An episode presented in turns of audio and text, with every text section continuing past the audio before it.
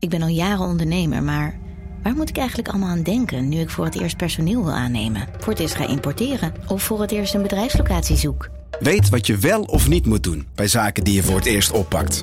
Check kvk.nl voor praktische stappenplannen. KVK, hou vast voor ondernemers. Al 125 jaar kwaliteit voor jou thuis met Miele. Dat vieren we met jou. Ontvang nu tijdelijk een cashback tot 125 euro op veel Miele-apparatuur. Geniet van de kwaliteit van Miele. Voor perfect verzorgd wasgoed en kleding die veel langer mooi blijft. Voor een stralend schone vaat, even perfect als jouw diners. En een stofvrij thuis waarin echt hygiënisch schoon de standaard is. Check miele.nl voor alle feestelijke aanbiedingen.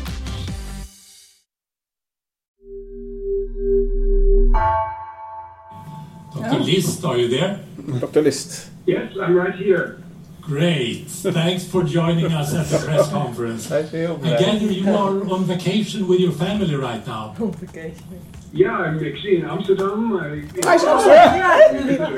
we in the Concertgebouw and we have a wonderful day. And I absolutely didn't Wie gaat er naar het Concertgebouw? a Huge surprise. And yeah, Nu gaan we, door de regen. Iemand.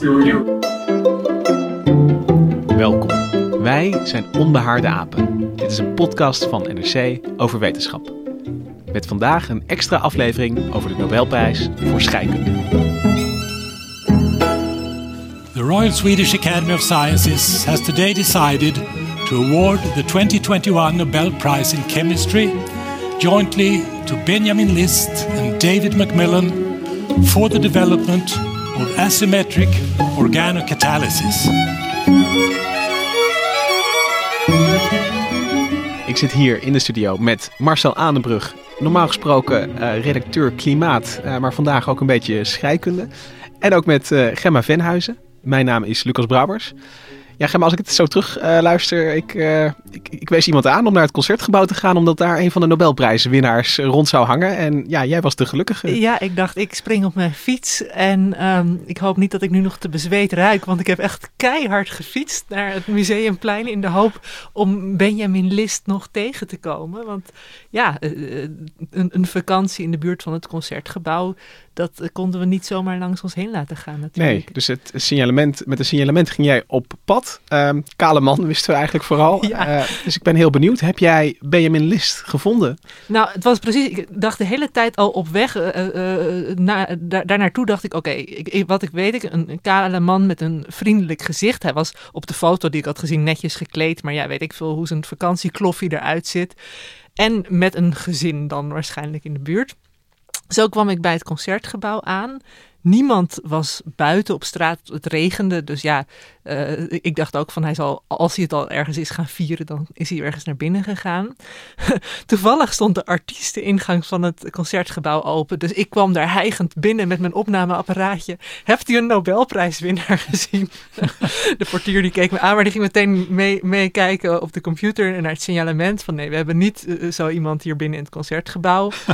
en eh, er is een heel chic café aan de overkant. Dus ik dacht, oh, daar gaat hij natuurlijk nu eh, champagne drinken of wat dan ook om het te vieren. Dus ik ook daar weer helemaal bezweet in mijn regenjas. eh, eh, kwam ik daar binnen. Ja, ik ben op zoek naar een Nobelprijswinnaar.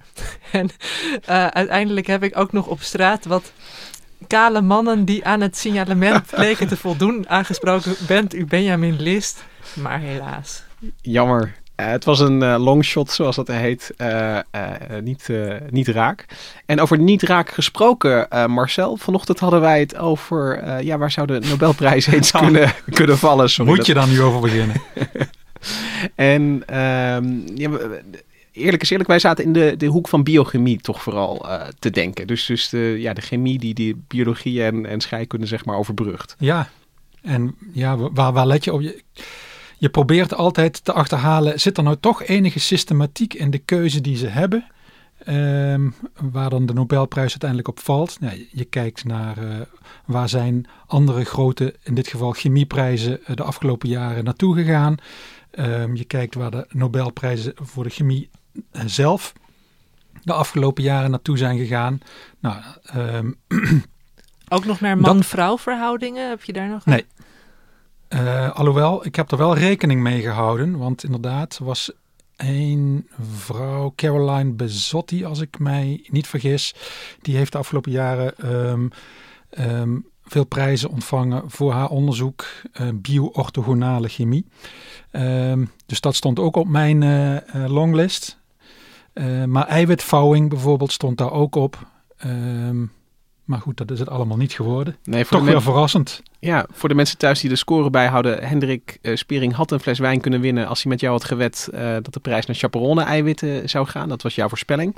Maar niets van dit alles. Nee. Um, de prijs ging uh, en, en we moesten snel ook een, een kop verzinnen voor het eerste bericht op de website. daar, daar, ik, ik tikte maar um, voor het sneller maken van chemische reacties. Ja. Heb ik ervan gemaakt. Ja. En dat is toch ook wat het Daar draait het om het versnellen van chemische reacties. En dat is eigenlijk, ja, dat, dat is een bekend uh, principe uh, in, de, in de chemie. Er is al uh, zeven keer eerder een Nobelprijs uitgereikt aan een vorm van het versnellen van reacties, wat in chemische termen katalyse wordt genoemd. Dus je hebt eigenlijk twee pijlers een lange tijd van de katalyse. Dat is, je kunt reacties versnellen door oftewel gebruik te maken van metalen, of je gebruikt enzymen. En de, uh, de, de, katalysator op basis van metalen, die kennen de meeste mensen misschien wel van de katalysator in de auto. Ja, bijvoorbeeld. Uh, die katalyseert een reactie om uh, de, de uitlaatgassen ehm, iets schoner naar buiten te, ja, te laten gaan. Bijvoorbeeld.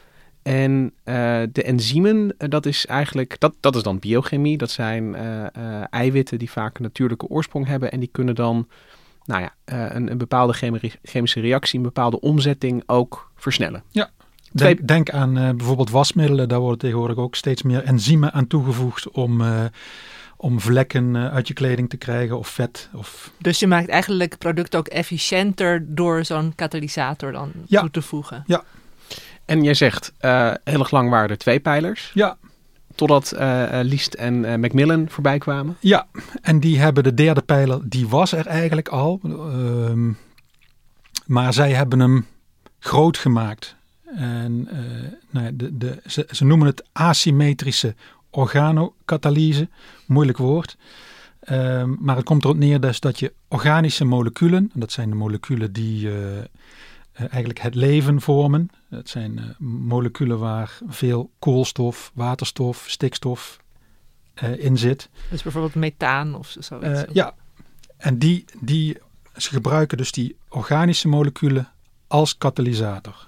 En daarmee uh, vormen, ze, vormen ja, deze klasse katalysator echt een, een klasse apart. Ja. Er zit geen uh, metaal in, zoals in andere katalysatoren. Geen koper, geen ijzer, geen mangaan.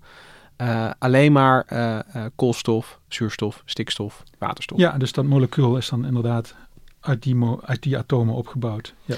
En um, wat is een voordeel van, van dit type katalysatoren? Heeft dat, heeft dat nog, uh, zit daar nog winst in uh, ten opzichte van die andere twee? Ja, dan kom je, dan kom je uit bij de toevoeging asymmetrisch. Um, organische moleculen komen vaak in uh, twee vormen voor die elkaars spiegelbeeld zijn, de stereo-isomeren. Um, denk aan de linker en de rechterhand, die, ja, die lijken exact hetzelfde. maar ze zijn elkaar spiegelbeeld. Dus als je ze op, boven op elkaar legt, dan passen ze ook niet. Dus ze overlappen elkaar niet. En zo werkt dat eigenlijk ook met uh, de stereo-isomeren. In het lichaam, in het, uh, in het, in het lichaam van, van ons, maar ook van andere, alle andere levende wezens, daar is vaak een voorkeur voor één bepaalde vorm. Als je geneesmiddelen wil maken bijvoorbeeld, zou je ook bij voorkeur dus één van de twee vormen willen maken. Want om in het lichaam te werken, um, ja, dat lichaam heeft een voorkeur voor één van die twee vormen. Dus voor chemici is het bestaan van spiegelbeelden eigenlijk een nachtmerrie. Want het zijn ja. moleculen die, um, als je een reactie laat lopen, in, misschien in gelijke verhouding zouden ontstaan. Dan heb je evenveel ja, linkerhanden als rechterhanden. Ja. Alleen die doen Alleen in het die, lichaam misschien iets anders. Dus die rechterhand die wil je helemaal niet hebben, maar die maak je wel. Dus je hebt 50% uh, nou, rommel. Um, dus dat is uh, erg inefficiënt. En voor geneesmiddelen is het ook heel belangrijk. Ik ja, uh, het uh, softenondrama is, uh, is, is, is erg bekend hierom. Dat zwangere vrouwen tegen misselijkheid een, een medicijn namen, thalidomide. Maar dat bleek dus inderdaad in beide vormen voor te komen. Dat werd geslikt en daardoor ontstonden er heel veel mi- misgeboortes en kinderen met misvormingen. Dus het kan ook echt, als je de verkeerde te pakken hebt, kan het echt Dat schadelijk kan zijn. echt schadelijk zijn, ja precies. En daarom wordt er heel erg gezocht naar processen om eh, bijvoorbeeld heel, erg bij, bij geneesmiddelenproductie juist die ene vorm die je wil hebben, alleen maar die vorm te kunnen maken. En is dat ook dan al toegepast, deze ontdekking van hun? Zijn er geneesmiddelen die daarmee werken al? Ehm Tamiflu. Ta- Tamif- Tamiflu is inderdaad, dat werd veel genoemd. Ja, Katalyse gaat eigenlijk eh, hand in hand met eh, kapitalisme bijna. Want eh, het streven naar een, een hele efficiënte reactie.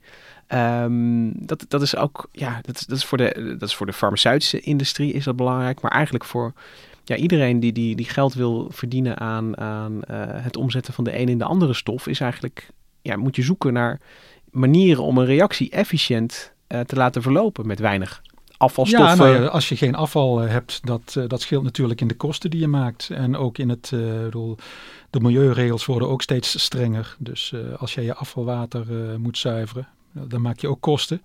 Dus ik kan me voorstellen dat de industrie daar zeer in geïnteresseerd is. In, in het uitgebreidere achterdocument, wat achtergronddocument bij, wat bij al die Nobelprijzen wordt eh, uitgebracht, stond dat katalyse 35% van 's werelds BBP uitmaakt. Dat is dus dat Ongelooflijk. vind ik echt ongelooflijk veel, ja. Je moet er even over nadenken, want dan, dan, dan, moet je gewoon even afgaan. Ja, bij, je, je hebt katalyse nodig als je een, een plastic wil maken, eh, als je geneesmiddelen wil maken. Ik bedoel, Alle fossiele brand, bedoel de, de benzine en de diesel, eh, noem maar op. Ja, ja, dus, dus, dus eigenlijk in de hele eh, chemische industrie alle, ja, eh, heb je katalyse nodig. ja. Eerst dacht ik een beetje, net toen je vertelde, nou dit is al de zevende keer dat het naar een soort katalysatorproject gaat, dacht ik, goh, wat een saaie keuze zeg. Jongen, kan het niet wat origineler kunnen zijn?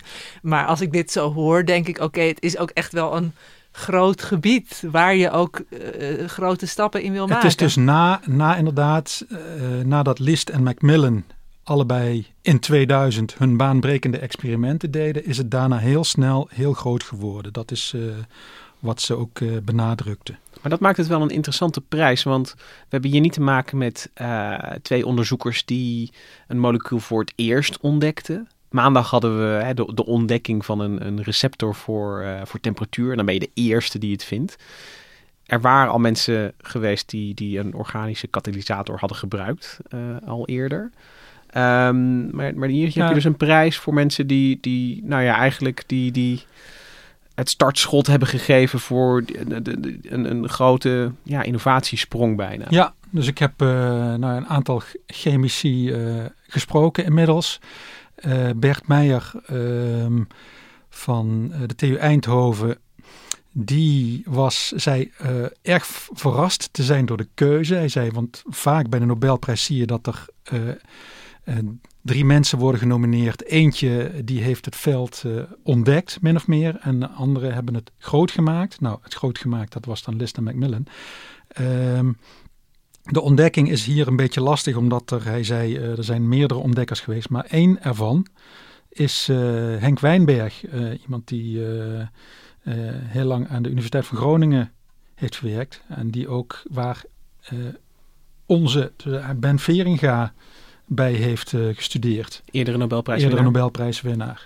Dus hij, Henk, Wijn, of Hein- Henk Wijnberg is inmiddels eh, overleden. Dus dat was ook niet mogelijk geweest. Maar het had niet misstaan, zei eh, Bert Meijer. Ja, dus in, in die zin had er nog een, een, een, een, een theoretische of een, een, een fundamentele grondlegger naast gepast Ja. bij deze twee prijswinnaars. Ja, ja. En eh, als we het dan toch over de keuze van het Nobelcomité eh, hebben, ehm, vind ik het ook wel, eh, waar Gemma al eerder eventjes naar refereerde, subtiel naar de man-vrouw verhouding. Ik bedoel, eh, mannen vrouwen, het, het staat, we hebben drie wetenschapsprijzen gehad en het staat eh, 7-0. Vorig Ja. jaar was dat beter verdeeld.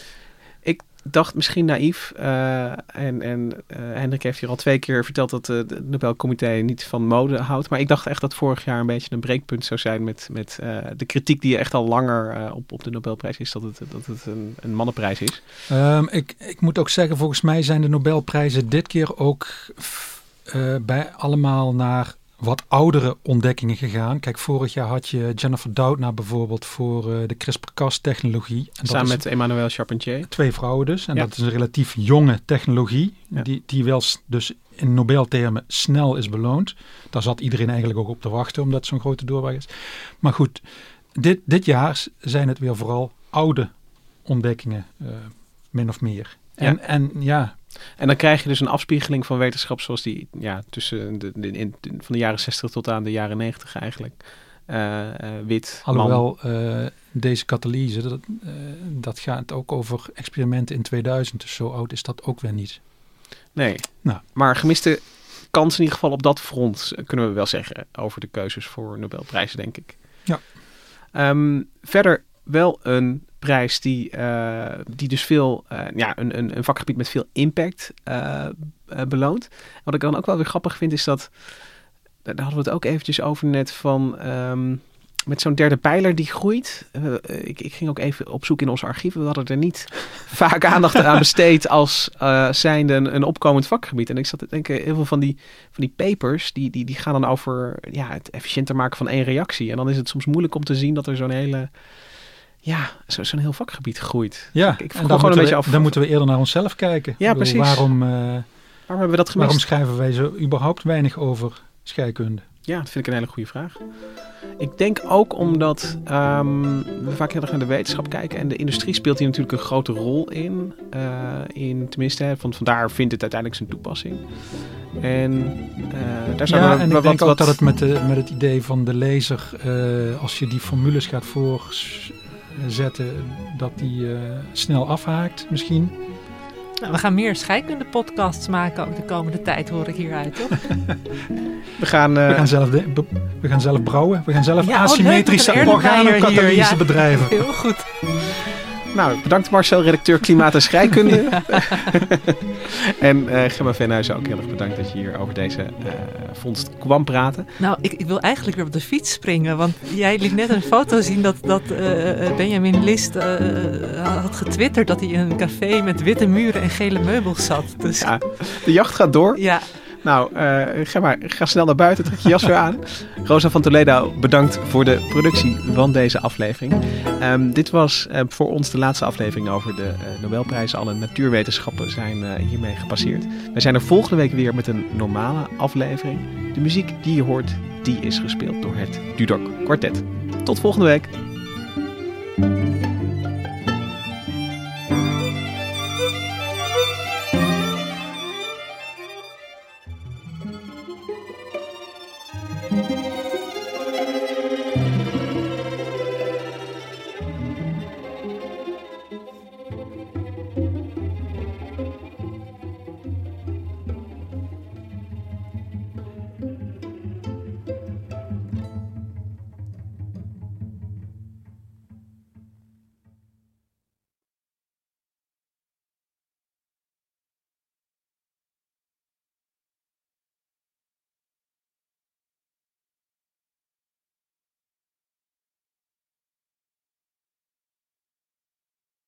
Technologie lijkt tegenwoordig het antwoord op iedere uitdaging.